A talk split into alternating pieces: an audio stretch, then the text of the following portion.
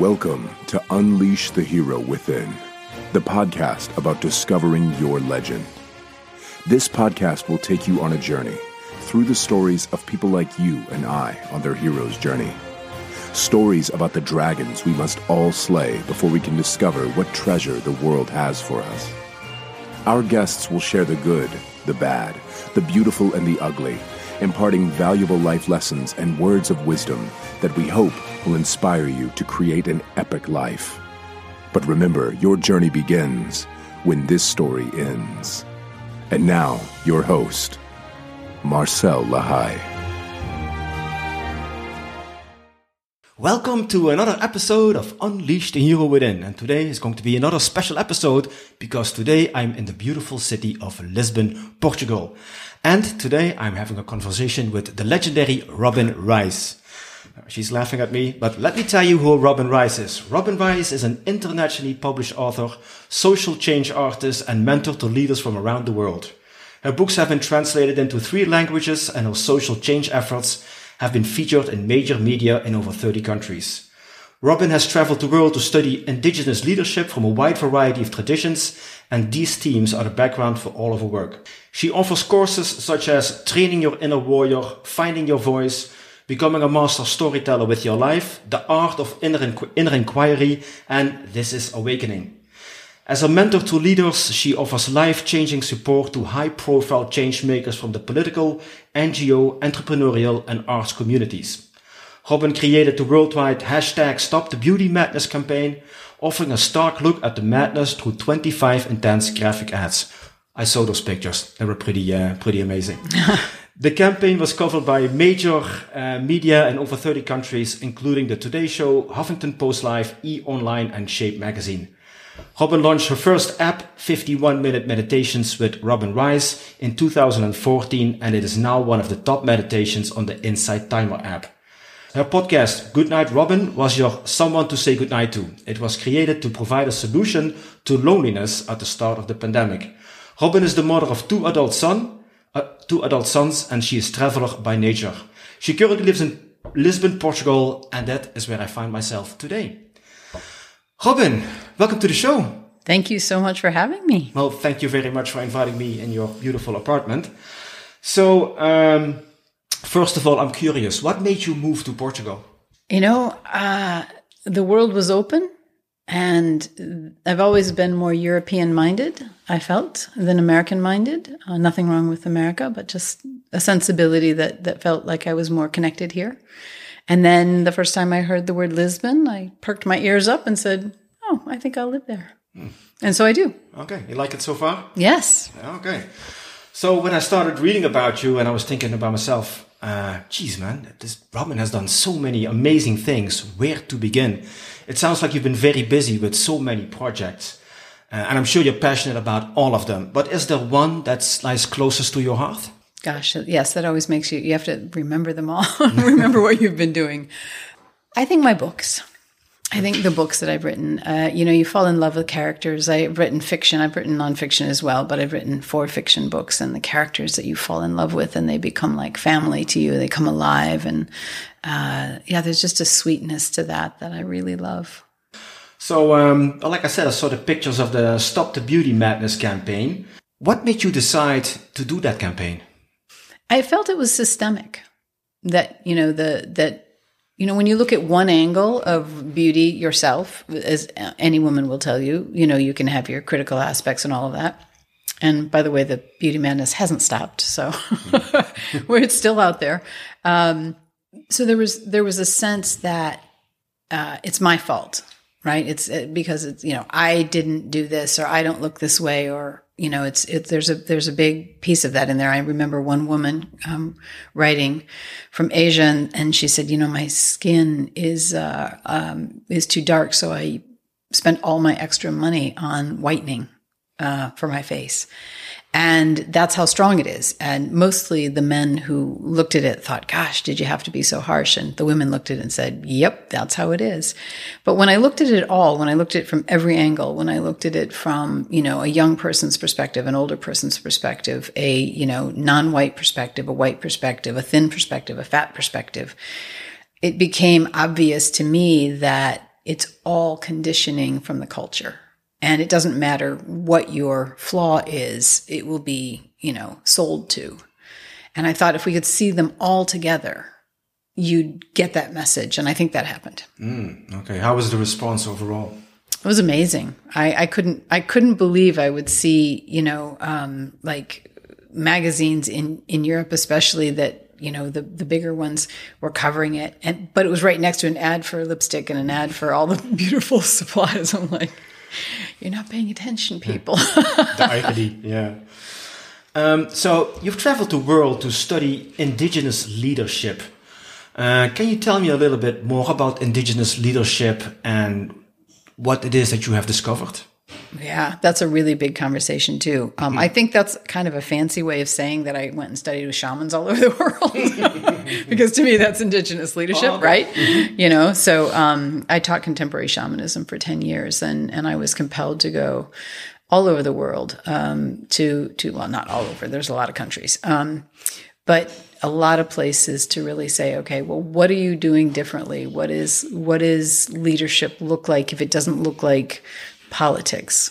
You know, um, what does it look like when it comes from the heart? What does it look like when it includes the spirit worlds and other things like that? You know, and so I just really wanted to understand, you know, what I was doing, and I learned kind of by osmosis by watching them. And I remember watching the, um, you know, the Oracle of Tibet in uh, in India and the government in exile, and just thinking this is ancient I mean, the privilege of being able to watch that is just extraordinary.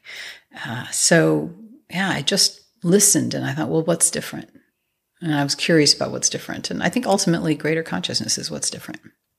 Well, I think the more conscious you are of yourself, your surroundings, your truth, your intuition, all of those things, and the better that you're looking around at the world and saying, you know, guess what? People aren't all like me. They don't all want what I want um, I have to know what I want, and it's okay if you want something different. But you know, to be able to look at that as opposed to, you know, top down, you want what I want, is a huge leap, right there. And that's that's just one of them. Okay. Are there any more that you found very interesting? Because oh, leadership so is such a big thing. It's I a mean. it's a broad topic. Yeah. Um, I think everyone leads, whether we like it or not. You know, every time you buy something, you're leading with your wallet, right? Um, every time you share a story, you're leading. Is it a positive story, a negative story? You're leading. So understanding that you're intrinsically going to lead, whether you have the position of leadership or not, is really important. And then if you have the position of leadership, your responsibility grows, you know, to whom much sure. is given, much is required. And so how we handle that responsibility and how we accept the parts that are really hard about that. I think that's just really worth contemplating. Okay, so it starts with personal leadership. You Absolutely. are the leader of your own world, your own life. Yeah. And many people, amazingly, as leaders, don't feel they are. They feel as much a victim to their life as anybody else. Okay. Um, they might talk a good game. They might, you know, but when they wake up in the morning or they go to bed at night, you know, how much peace do they have? With themselves? Do they know who they are? Or are they still chasing something that society told them to chase instead of what they really want? You, you have experience with that, right? Mm, yeah, sure. Uh, so, yeah, it absolutely, I mean, I think that's probably the only thing I need to write to as far as leadership goes is just self leadership, yeah. and then everything else follows. I think so too. Yeah, yeah. So, um, you have a talent for uh, helping artists, uh, thinkers, leaders, and public intellectuals to locate their own purpose and realize their dreams. What can you tell me about life's purpose? I mean, is there a life's purpose for everyone? Um, how does it look like, and how do you find it? Oh gosh, you're just asking those little questions. Should be easy to answer. Yeah, yeah. Give me two minutes. Um, So there's a there's a word called entelechy, which is what you were born to do. It's kind of your path. And when you find your entelechy, entelechy, that's all you need to find. You don't need to find purpose for the whole world. You don't need to find purpose for somebody else. You just have to find your own purpose. I personally believe that there's something very intrinsic in us that knows what we came here to do uh, even if we've pushed it away and shoved it in a closet and you know all of that. Um, and then there's there's also part of meaning making is deciding what it means, deciding what we want to do with it and how we want to do it, and making you know the hard choices around that. I think it is about making the hard choices. It's easier to follow the narrative that we've been sold and just go along with that. It's much easier. Well, it's easier if you want to be unhappy. I mean, it depends yeah. on which. I always say it's going to be hard either way. Do you want to be hard in your own path or hard in somebody else's? Yeah. But it's hard either way. Yeah, yeah, yeah, yeah. You know, it's painful to be knowing that you're not following your truth. It's very painful.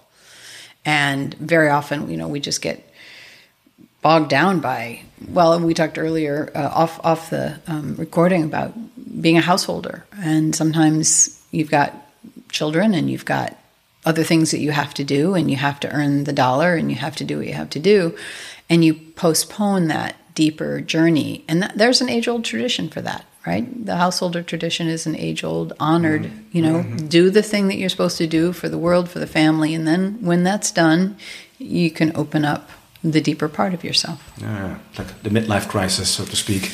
Well, the midlife crisis, I think, starts it, mm-hmm. right? I mm-hmm. don't think people generally try to take an easy way out. That's why, you know, um, I think David Whyte talks about the guy who posted an ad- advertisement for a motorcycle that was ridden for six months during a through a midlife crisis, right? Oh. you know, and then sold it. Okay. I think we take midlife crisis is when it starts, and then we're like, okay, I've got to look at this, but we still are trying to take all the easy way out. Yeah. Let me buy it. Let me, you know, let me look good with this person on my arm, whatever, yeah, right? Yeah, and and then that doesn't work and you have to either accept it and become that you know person that just looks ridiculous um, still searching for it or you actually go deeper into the journey yeah yeah maybe the midlife crisis isn't even the beginning but it's more like a refusal of the call you know when we talked about joseph could be. Here, yes yes yeah, yeah. it could be it could be it's or at least label it and you know yeah or it's at least the first hearing of the call mm. Yeah. You know, the yeah. real call. It's like, no, seriously. You know, I always tell people, it's like, you're going to die.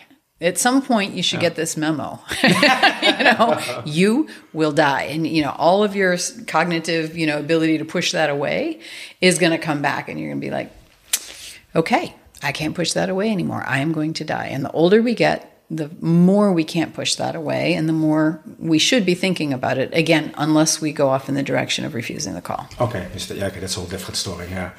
So you know you're helping all these people find their life's purpose realize their dreams. Uh, what are some of the challenges that you will eventually encounter when you go after your life purpose and how do you deal with them? You are always the problem you're always the problem your conditioning your perceptions of what you need, your, uh, you know, triggers, all of that. You know, when you have, we're talking about consciousness, one of the biggest things to, to do with consciousness to actually progress is to decondition from those things. And basically, you know, if you're conditioned to believe that, I don't know, I don't know, that, that younger is better. Mm. Um, in, in any form, for man, woman, anyone, like younger is better.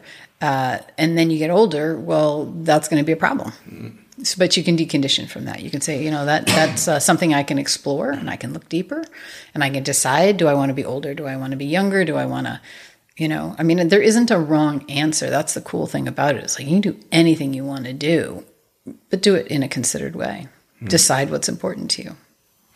That's interesting. How do you decide what's important to you, right? Because when do you know that you found something that's important to you, or when it's just the voice of society right. telling you what's important to you? I think you have to start. I mean, every tradition that's out there says you have to look inside. Mm-hmm. You know, you look inside and you say, "Is this important to me?" Yes, it is because I want this, this, and this. I'm like, okay, is this important to me? You know, you just go deeper and deeper with it. You know, they, they, the traditions do say look inside, but most people that I talk to and we talk about that, they're like, but how do you look inside? It's even seems like it's there's this barrier to even you look inside and you're like, what am I looking at? Lungs, heart? what, what am I looking for? What is this? What was it supposed to look like? And and it takes a while mm. to figure out. But if you're honest with yourself, and and I think this is where mentoring really comes in and helps, is uh, someone else can look with you, and someone else who's kind of been through this journey can look and say, I notice here mm. um, that you you always hesitate when you say that. What's that about? And you might not have ever noticed that you hesitated. Uh, but that gives you an invitation to look deeper and say, yeah, I do hesitate. Why would that be? That's a good one. So um, I'm a big fan of Joseph Campbell's The Hero's Journey. Uh, I saw your articles about it on LinkedIn, so I'd like to visit uh, that topic, the hero's journey. Um, in one article, you talked about the tragic hero's journey. Uh, personally, I really love tragic stories. They just, they really touch my soul. They really touch my heart. So can you tell me a little bit more about the tragic hero's journey? Are you you're talking about the anti-hero's journey then? I think so. Yeah, think he- yeah. It's he- been it's been termed the anti-hero's journey. I just want to make sure we were talking about the same thing. Um, so I think the entire world right now is on well, not the entire world. Let's let's uh, the the commercialized world is all the world over is on the anti-hero's journey right now. So the idea is, you know, you you follow this heroic call and you you know climb to the top of the mountain and you get your boon and you you know you bring it back to your society and you know you're doing the whole heroic journey and and then now suddenly you're rich you have all the spoils you whatever whatever it is that you gain from it and you very very um, slowly or quickly but insidiously start thinking well i did that so that's mine I did all that hard work. So now I'm, you know, that's mine to figure out how I'm to, you know, play with that. And that, that's just the beginning. And then now I can use this boon to fill up the wounds that I actually had. Uh, because we all, you know, heroes still, you know, we're all full of wounds, right? So now I can use this for myself and I can get status and, and all of those things. Um, you know, if you told me after I woke up, if I was doing that, I, I would have said absolutely not. In fact, I'm looking out to make sure I don't. On deeper inquiry, everyone does it. Every one of us is like, okay, how do I now you know, the I wants to capitalize again. It's, it's like, okay, great. You did this great magnanimous thing, but we can use that. so the anti-hero's journey begins and you fall from grace. It can be falling from grace in public. It can be personally. Things can fall apart, you know, in, in any number of ways. But uh, that journey in and of itself is also, you know, we would all love to avoid that journey, but it's so instructive as well. It's like, wow, this is where I'm again plugged in and could decondition. This is a place where I am not healed and I could notice that I'm doing that. I'm, I'm creating um, opportunities for myself. Why do I need them? Why, why do I need that? So, and then hopefully, you know, you, you get to the bottom of the wheel and you've fallen down the anti-hero's journey and you start soul searching. And, uh, and that's when the heroine's journey comes in. You know, actually the heroine's journey can come in sooner. Um, it can come in without an anti-hero's journey. It can come in after the hero's journey is, you know, the boon is all got, you've got everything, you've got all the spoils and, and you wake up one morning and you say, is this all? Because you know there's something else, you know. The, the one thing I would say about, you know, working with very wealthy people is they, they have the fortune their real fortune is finding out that the fortune doesn't work to heal the, the deeper self. They they have they have to keep looking. Whereas an awful lot of people stay on the well, if I just get the money, it'll all be okay wheel. If you get enough money, you figure out that's not true. And so then you can either continue to play the game and just get more and more money just in case it was because it wasn't enough, or you can start looking inside and say, well, what else? What is this journey here? So what is this heroine's journey? It's the most powerful journey. It's the least known. Um, so Maureen Murdock um, was a woman who followed Joseph Campbell, and uh, and she asked him one day in in a, I guess it was some kind of a talk. She said, "Well, you know, you talk about the hero's journey. That's really feels very masculine. What about the heroine's journey? What about women?" And Joseph very unconsciously said, um, "Why do they need one? They have one in their body every month." As you can imagine, it did not go over well. he, had, he was very steeped in the hero's journey, um, brilliantly so. I mean, I respect his work. But so Maureen set out to discover well, what happens for a woman, and you know, and what you find is that when she hits that pinnacle that she was supposed to hit, she is very quick, and and not only she, but the the feminine in all of us is very quick to say, "That's not enough. That's not." That's not what I was actually after. And she starts a descent into what they call hell and to the hell realms. And there's also tons of mythology out there about when this happens to a woman. And so she finds she just can't get up out of bed in the morning. She doesn't know why. She's top dog and she hates it. She doesn't know because she hasn't been following her herself. So Maureen Murdock talks about father's daughters and how we're all raised. The feminine in us was all raised. We were raised by men are successful and uh, the man's way is the way to do it. And it's you know it's in the water. We don't even know that we're doing that. More con- deconditioning options. Mm. Um, and so when when you wake up to this, it's called aridity and death. It's a stage of aridity and death, and you just feel like everything's barren.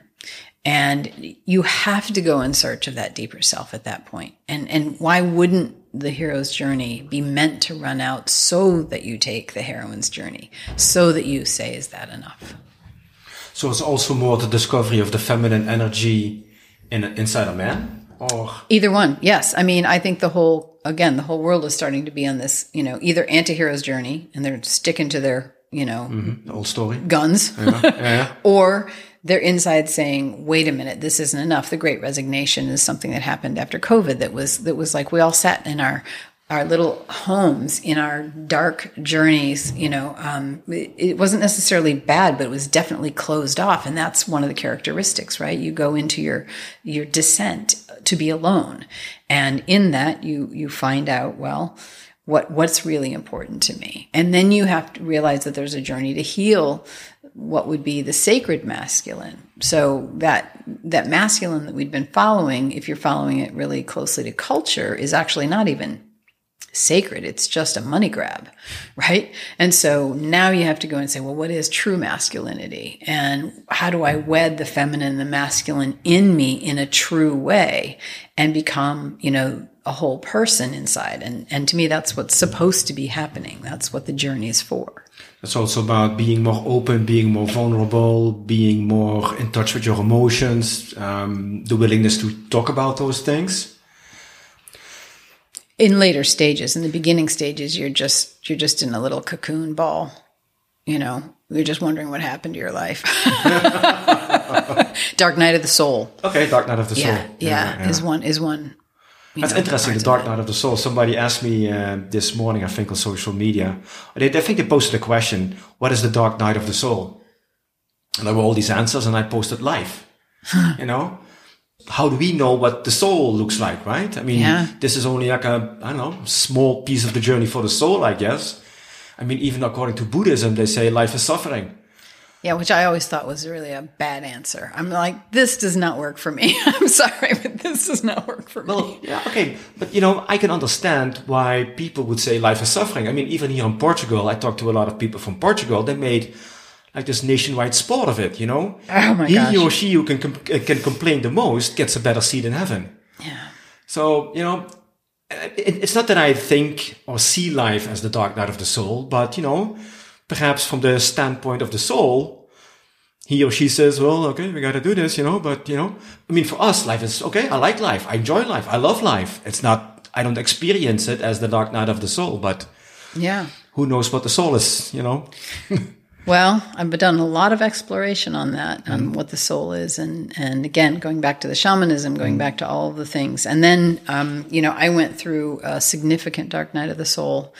Um, after 20 years of being awake and super happy, or reasonably happy anyway, more happy than most, shall we say, uh, I went through another dark night of the soul in which um, I was doing psychedelics at that time just to try to figure out what was going on. And and I remember at one time, um, you know, the goddess uh, Kali came very clearly, and she just looked at me and she said, "I am death, and I own you."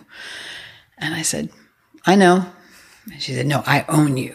I said, "I know." She said it one more time. She said, "I own you," and I said, "I know." no no question. No no no argument right in me. I was just i was just laying there. Of course you know i'm in a journey but and then after a minute or so i just said but i'm still standing. You know? And it was like we had this standoff. And another time in, in a journey uh, they just told me well we're really sorry but your soul died I'm like, a soul can die? I said, well, anything created, anything individual can die and must die. And I was like, what does that mean? I've never even heard of it before. But it felt true. It felt like I had no longer had a, a living soul at the time. And, uh, and maybe even still, I don't know. I, I don't relate to the soul the way that I did before. But yeah, I mean, it's an it's ever deepening journey. And you know, you can just throw that little tidbit out like it's nothing. Oh yeah, your soul died. Like years of questioning come after that. Yeah, because how do you unravel that? Yeah.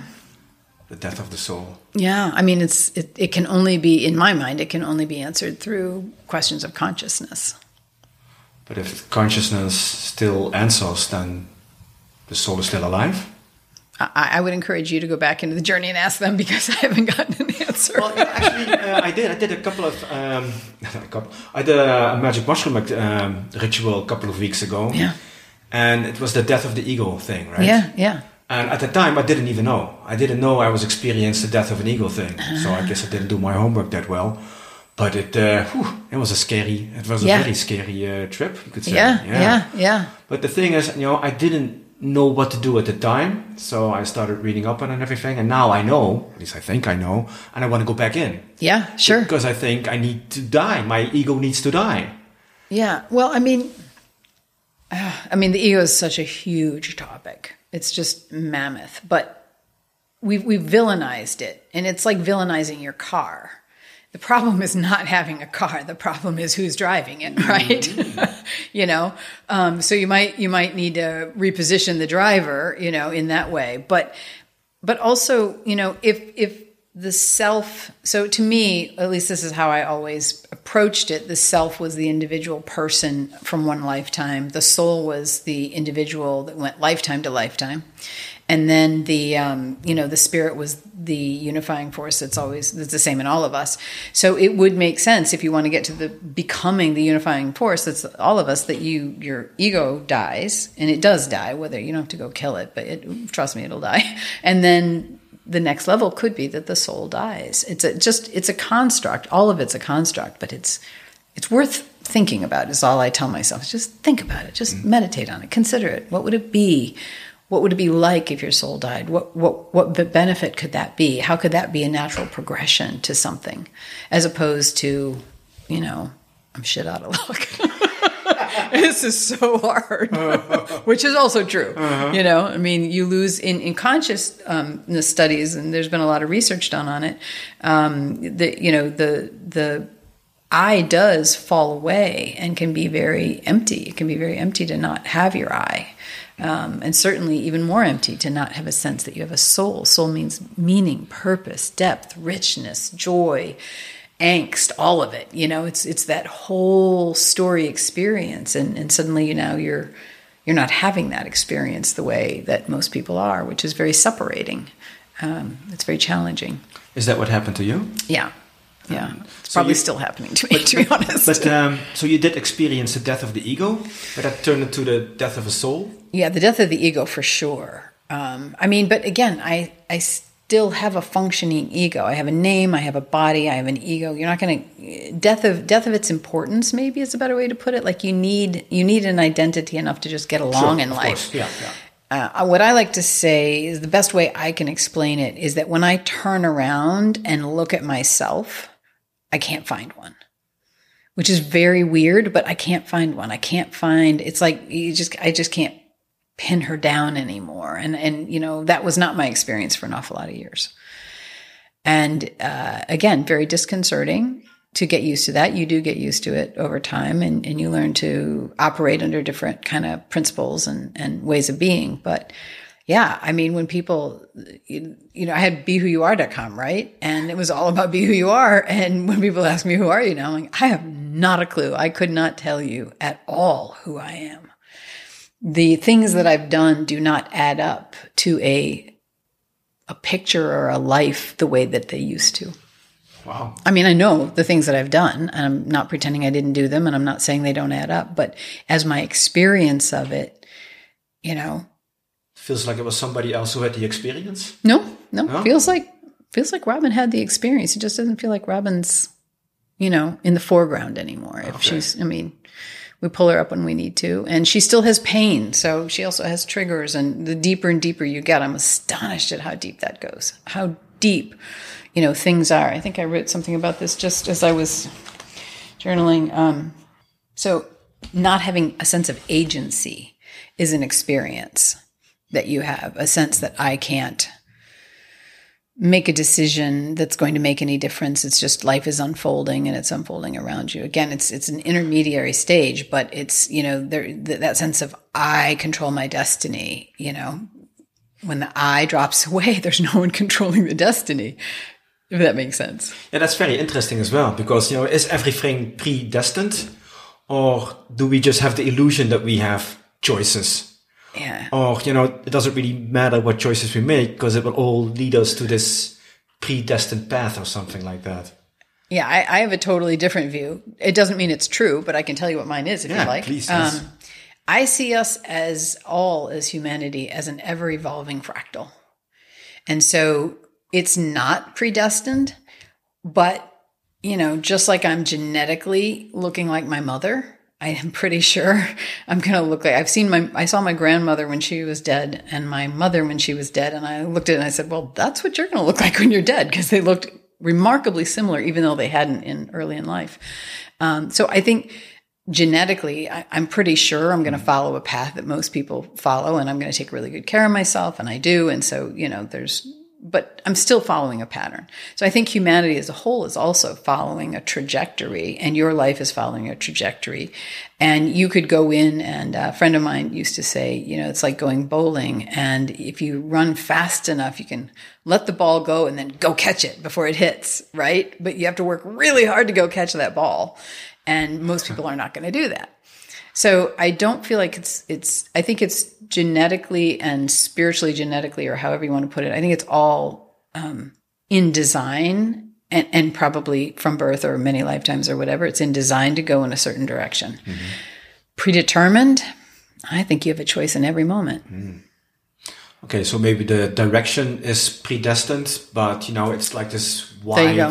yeah And that's just my personal opinion. Sure. I wouldn't, you know, die, you know, burn at the stake for it. no no no but, you know, but that's that's all we have right That's We right, just, yeah, that's we right. just have to dig deep and find what is most true to us That's and right. that's how we live right Yeah. And it's a considered opinion. It's a considered opinion. yeah. But the, I would like to go back to the to the uh, death of the ego part. Yeah. Uh, how was that experience for you? How did you experience the death of the ego part? It was devastating. It was just devastating. Everything that mattered to me was gone. Everything, Wow. um, including my partner, including my one of my best friends who died at the same time, um, a couple of my other friends who just sort of went MIA, and I was left alone to deal with it all. It was uh, it was terrible, and I had dreams that told me it was coming. Um, I also uh, I'm one of those people who I saw dead people when I you know from when I was early Wow. uh, young from five that I remember. And so, you know, I knew it was bad news when my father, my mother, and my brother, who had all crossed over, were on my porch looking at me like they were very concerned. And, uh, you know, they'd never appeared together before. They'd never appeared looking concerned. And I'm like, oh crap, what's about to happen? And I was completely blindsided. I really was blindsided. Um, and it was like, you know, all my pain that had been there pre awakening just crashed in, just came, all came flooding back. And I had to deal with all of it. Whereas for 20 years, I didn't. I was just like, I'm good. You know, I know that happened, but I'm like, it's not bugging me anymore. Why would I go play in that any, anymore? And it all came back. And I had to, um, I had to really, really, really work through everything, everything I could find to get out of that place. What did it uh, bring you eventually? Because eventually you, you step out of that, and then how does your life continue after that? Well, you're assuming it's continuing. I guess I did move to Portugal. Um, You know, it just deconditioned me a lot. It, you know, all of the all of the history that needed to be dealt with, and that's part of you know what I'm working on now is a memoir that that you know talks about all of that, and um, it just, uh, I mean, I, I wouldn't invite it for anyone. Honestly, I really maybe maybe someday I will. I keep joking, you know, with my friends that like I don't want to write this book because the ending sucks, right? um, but but it won't suck, and it, it actually sucks less and less all the time. So um, it, I would say on a day to day basis, it doesn't suck. Um, but there's still stuff there. So I mean, what did it do? It, it deconditioned me so that I am really not nearly as conditioned as as most people are to my mental thoughts, to my triggers. You know, I dealt with mom, I dealt with dad, I dealt with brother, I dealt with all the things that happened. I dealt with it all, and you know, when my first stages of awakening, you know, my profound awakening at 35, it was like it erased those things, and I just was, you know, good, good to go. And then when it all came back, I was like, oh, I wasn't actually good to go. It was just covering it all up. Mm. And for whatever reason, my life said, not good enough, Robin. We're going to have to, we're going to have to deal. Um, so I, I, found another quote on your website. It said, uh, ancient mythology offers us stories that universally point us toward essential truths and patterns. So my question is, what are essential truths about life and how can we look at these patterns? You just are not letting me off the hook here. Wow. we can do, you know, a year's worth of podcasts on what are essential truths. Um, well, from a standpoint of mythology, if we go back into the mythology, um, because that's where that that quote started from. You know, we all know greed, we all know love, we all know anger, and the costs of anger when it's expressed, um, and, and the value of it too. Actually, if it's expressed in the right way or or in a way that is functional for us. Um, we all know jealousy. You know, all of the ancient god stories, the gods of the Greek mythologies, all that, they're just all, you know, I, I wrote a, a, haiku poem once. It was, you know, gods and goddesses, human folly, one step, step up, best pray to ourselves. to me, that's what it is. It's like, it's just an exaggeration of the mythology is an exaggeration of what we find inside of ourselves. And so we can find it in there. We say, okay, yeah, I'm jealous okay that that feeling is is a natural feeling. It's a universal feeling. And when the gods were jealous you know all hell broke loose. Uh, so i think those themes just help us look at ourselves and say what's in here? And it's universal. It's like you don't get away with not having you know like oh i'm not a jealous person. Okay you may not be experiencing that emotion. It may not be dominant. It may not be really where you're attached which is great, but to say, you know, I mean, I think jealousy is very valuable because it tells you what you want, tells you what matters. It's like, oh, I see that person and it's, you know, very valuable. Um, that what I don't, I don't want to be jealous of them. I'm just going to take it as a signal mm-hmm. that, uh, oh, that's something I really want. And whether I want to actually act on that or not is, is another question, but it tells me something about myself. Oh, yeah. It tells us a story about how to deal with that emotion. That's right. Yeah. That's yeah, right. Yeah. So the mythologies where, for example, you know, um, Persephone is is uh, abducted, or or you know Venus is vicious. I wrote Venus for a day, and and it's not your nice, sweet little loving Venus. She's vicious.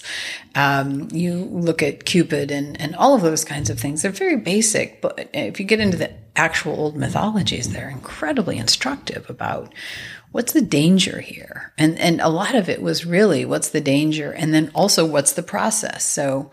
Um, when you're abducted and you're underground with Hades for six months out of the year, um, you know that's uh, as far as i'm concerned that's depression yeah. right? Yeah, winter depression. yeah, um, but it's but it's a lot of other things too. But it also tells you that that you know you, you, have to make hay when when you're not in hell with hades right? So i just think there's and your interpretation of it isn't right or wrong. It's just yours but you can use that. And that's how story teaches us how to live. And we've lost most of that. Mm. you know if you look at our stories today uh, I often joke with people. I'm like, do you know why people see all this information about climate change and all of those kinds of things and they don't do anything and don't really think they have to do anything because they think it's all going to work out? Look at all of the movies that were created, Bruce Willis, you know, Die Hard, all of those things, where at the last minute there was a save and everybody was okay and it was magically fine, mm-hmm. even after it was, you know, impossible. We have so many of those in our psyche I remember um, one of my favorite interviews ever was with a guy who was, um, I think he was uh, an army sergeant, and he trained young recruits, and and um, it was more recently uh, that he had this interview, and they said, "Well, what's the difference between now and the children before?" and uh, or the young men before and he said you know the ones today they don't when people shoot at them they don't duck because they they're used to video games where they you don't actually get shot back at in any way that matters Holy shit. and so he had to teach them to duck isn't that crazy Jesus, yeah. Yeah. That'd be like a normal response for us. that's right mortals, yeah. that's right but you can also imagine after playing video games where nothing really bad happens Yeah. over and over Yeah, and over again Your brain- your brain is like oh somebody's shooting at you okay we'll just shoot back you Yeah. know that's what you gotta do shoot better Yeah, yeah, it's amazing. Um, I have another quote. yeah Yeah. Uh, before we ride off, however, we must look at the call to adventure closely and ask two vital questions. Is it our call and is it our time? So, can you please speak a little bit more about that? I mean, what do you mean by that? I mean, how do we know we are receiving the right call uh, that, we, that we need to answer? Well, we don't. Um, and that's why there's three barriers that are built in. Okay. Um, that's one of the reasons why there's three barriers bu- built in. Um, and, uh, you know, the first barrier is uh, you're going to get hurt, sure. right? And then you say, yeah, but I'm going to do it anyway. It's my call, it's my time. And then the second one is you're going to get hurt. And you're like, okay, that's a little more serious. Is this really mine? I think it is. Is it time? Uh, I think so. And then you advance again, and then it's we're going to kill you. And you do. You have to die.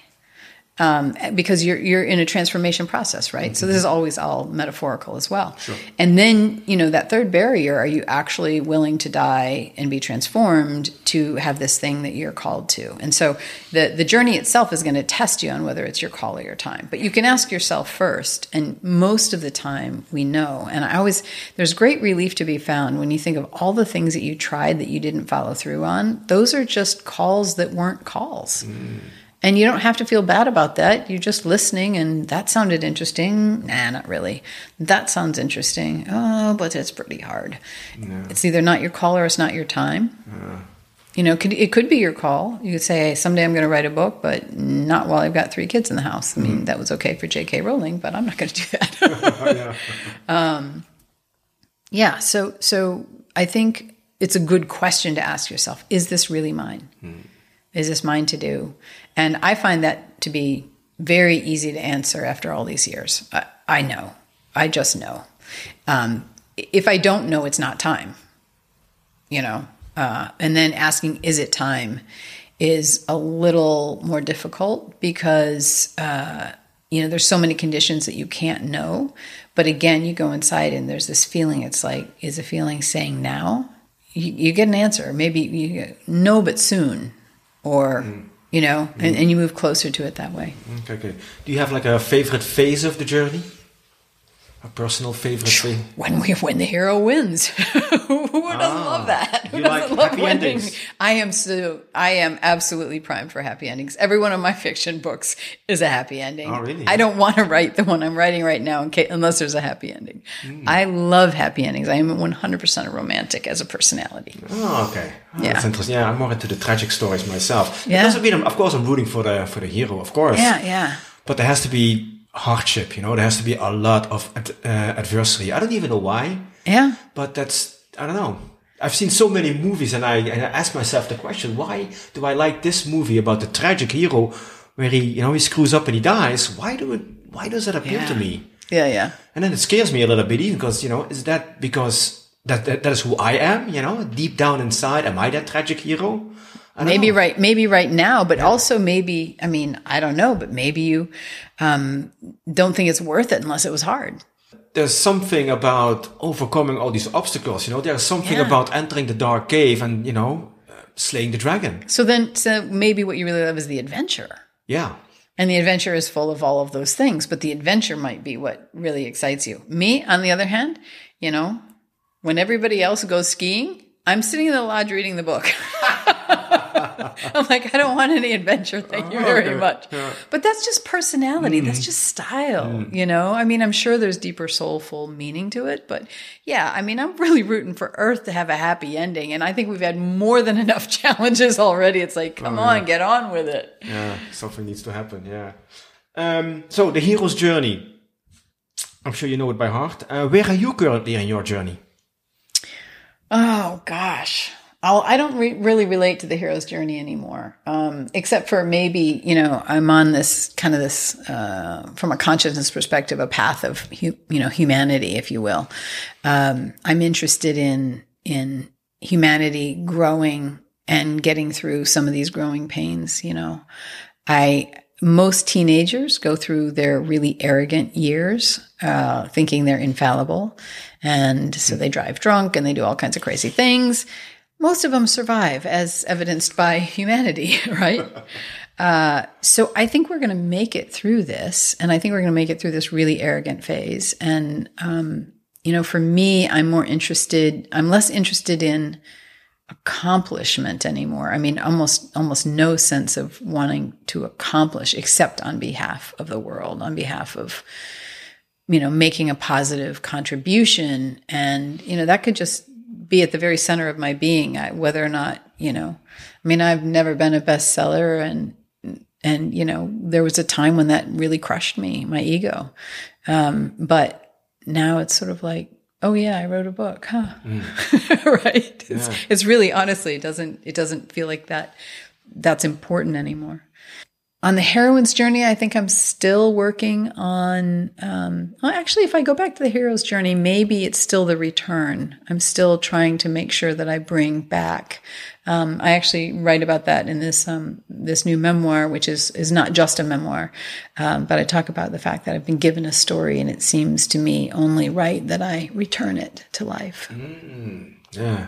So yeah, the return maybe. Okay, that's cool. Yeah, because the the deeper we go into the journey, maybe the bigger it gets. Yeah, I mean, I, I don't I don't know. I suppose it's how big do you want it? That's also about the the calling because eventually you go through all the phases, and that's going to be now what you know. That's there's, right. There's always always going to be a now what. Yeah.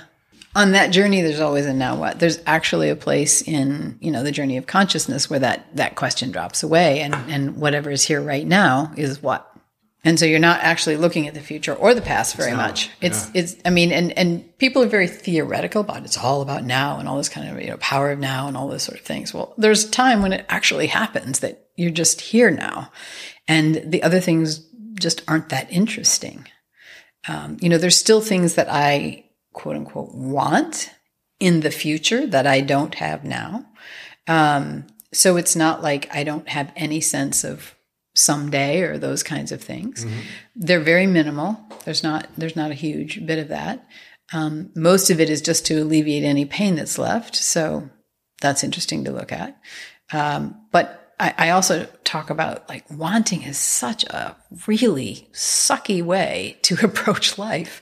I mean, it's already you're in lack the minute you say I want right you're already in the dark side of that of that you know experience and then but we're just deeply conditioned to want the next thing and it's it's a hunger that never gets satisfied. That's that's a yeah. that, that's not a fun condition. No, no. i don't i don't i don't miss that. No, i don't miss that at all. That's a constant hunger. That's right. Yeah always right. wanting wanting wanting more. Yeah. and it never gets filled. Yeah and yeah. and you you know it but you don't know what else to do. You, you've not been taught how to progress on this journey. And that's one of the biggest challenges I think is we're really without our storytelling and without without I mean the information's all out there, but people literally don't know what to do next. Again, it's that look within and but what am I supposed to do now that I've looked within? What am I supposed to look at? What am I supposed to look for? Okay. Now we're going to go on to the uh, easier questions. Oh, good. Yes. So I'm going to let you off the hook now. I'll take a drink of water then. Yeah, okay. So imagine there's an afterlife and when you die, all your memories will be erased. Mm. But there's one memory that you can take with you. What would that memory be? I used to live by this question. I had the answer. God, I had the answer at one point in my life. I remember the moment exactly. Now, it's something that hasn't happened yet, if that makes sense. Uh, it'll be the day I fall in love with my grandchildren. Hmm. That's the one. So is that happening any day soon, you think? Oh, sooner than it was. Sooner than it was. they they found each other anyway. So, Okay. Yeah. So Okay. and they have plans. They both are. They have a similar vision for it. So yeah, I think I think there's a pretty good chance. And and I've started dreaming about it. So Oh, wow. that's always a good sign. So the best memory has yet to be born. I think so. Yeah, actually, I do. Yeah. Okay. That's interesting. That's a good one, actually. I never heard that. Um, if you could have dinner with a famous person, dead or alive, who would that be and why? Oh, Brad Pitt back in the day. Um, He still looks amazing. So he does. Yeah, actually, Brad Pitt. Anytime, feel free to call. Um, Leonard Cohen. Yeah. how so? it just his music is so deep and beautiful and and uh, he he every word he puts out there is like a lover you know and uh, yeah i just feel him i felt first time i heard him i just thought oh god has come down to earth Wow. you know Big fan. yeah big fan What is the biggest fear you have ever conquered? Oh, I don't think in terms of fear as much. I've always, um, one of the things that I've always found strange about me is that fear was not a big player in my life. I wasn't very afraid. I kind of had an unusual amount of courage. So I don't know. Um, I don't know. Maybe I was a coward, and if I feared it, I didn't go there. I don't know. Or maybe obstacle or Yeah, yeah challenge? challenge I overcame. Um, when I, unbeknownst to me, when I was 11, I hit puberty and I became rapid cycling bipolar. And um, before my awakening at age 35, my second child was, I was sitting out on my deck. I was only going to have one child and I was on medication and all of that. And I heard, um, uh, I want to be born to you. And I looked up in the stars and I just said, okay. And I had to go off my medication for a year to do that. And it was probably the scariest thing I'd ever done Oh, wow. to go back into the bipolar. Um, it was a very interesting year. And then after I woke up, it just went away. I have not been bipolar ever since. Wow. It just was gone. And they said that's impossible, you know. And I've, I've even had doctors say, "Well, then you know you weren't bipolar." And I said, "I was diagnosed at NIMH. I'm pretty treated for years. I'm pretty sure I was bipolar." Um, but yeah, it's been gone ever since. Wow. Amazingly, I can still get depressed, but I don't have cycles.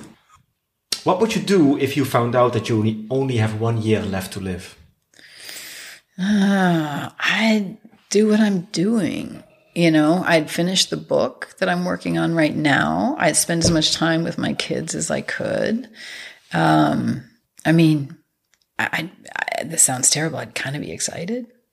I'd be like, I'd be planning, I'd be preparing, I would be, you know, I would be thinking much more about, you know, how do I do this well? How do I die well? Uh, which I'm pretty excited about Yeah. dying well. That's an interesting question. How do you die well? I think uh, without being a victim of the systems that are out there that try to prolong life when it doesn't need to be. Um, die well is is being able to make your own decisions about pain levels and and about you know when you want to go if you want to go. Uh, I've often told people, you know, one of my, it's probably not the most conscious thing to do, but um, I think what I'd really love to do is, you know, take a really strong hit of, um, you know, 5-MeO DMT and fall off the back of a boat. I mean, that would be awesome. By the time I came back, I'd be drowned. Yeah, yeah, yeah, yeah, yeah. So if they don't actually let me have a pill whenever that time comes, the, I could possibly do that. But I actually think there is value in the suffering at the end, and that scares me a little. That that makes me a little like, Ugh, I'm not big on suffering. Um, but I I think there's I think there's a journey there too that maybe is valuable uh, for the soul or for the whatever. I don't know. What is the best advice you ever got? Well, I didn't take it. How did that work out? Not well. uh, I had a woman pull me aside right before my first marriage, and she said, Do you think you're the luckiest girl in the world? And I said, Yeah. And she said, Does he think he's the luckiest guy in the world? And I said, Nah, he doesn't think like that. And she said, Don't marry him. I'm grateful for my children, but it was definitely the wrong marriage for me. Ah. Definitely, definitely a, a personal detour. Well, maybe there was value in that experience as well. God hope. So, last question for you, and you're right. off the hook. Is there anything you would like to share to the people who are struggling with their life's purpose? Yeah, make it purposeful. Don't wait for it to show up. Don't try to figure it out. It's not an intellectual exercise. It's not a right answer. It's a creative process.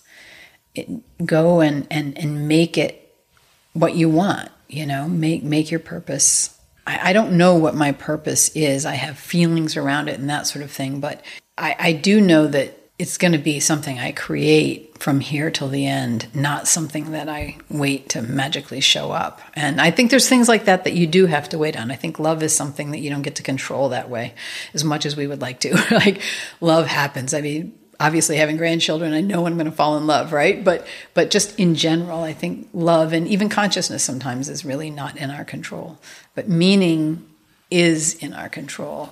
Uh, and it's a hard, long journey. I'm not pretending it's not, but just stop waiting for that. That piece, just stop waiting. Just follow the first heartbeat that sends you in the right direction. Exactly. Or the wrong direction. You know, Oh, yeah. my prayer. Stop moving, yeah. When my prayer was for the longest time was like, I have no idea if I'm going in the right direction, but you know, whatever powers that be, uh, turn me if I'm wrong. Yeah. And I spent years creating all those things that I created using that, and and that's partly what made me fearless was because I actually believed that something would stop me if it was really wrong. Mm.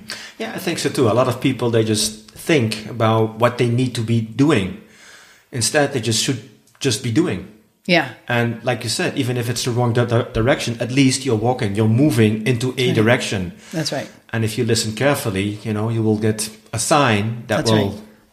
Guide you in the right direction if you're even in the wrong direction. Yeah, exactly. And and that can only happen if you're actually doing something. And so, you know, people this is sounds really simple, but people often say, "Well, you know, how do I get out of my head and and get on with things?" It's like move.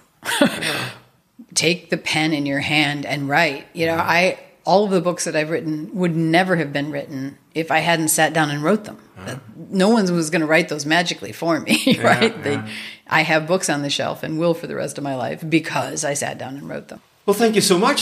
Thank We've come you. to the uh, end of the podcast. Um, I really, really, uh, really appreciate you taking the time talking with me. Um, it's been very inspiring, very educational. So uh, thank you so much for inviting me to your uh, beautiful place here in Lisbon. No, thank you for having me. This is really fun. All right. So, dear listener, I hope it was as, exciting as it was for me. Uh, thanks for listening and uh, see you in the next episode. Much love. Bye bye.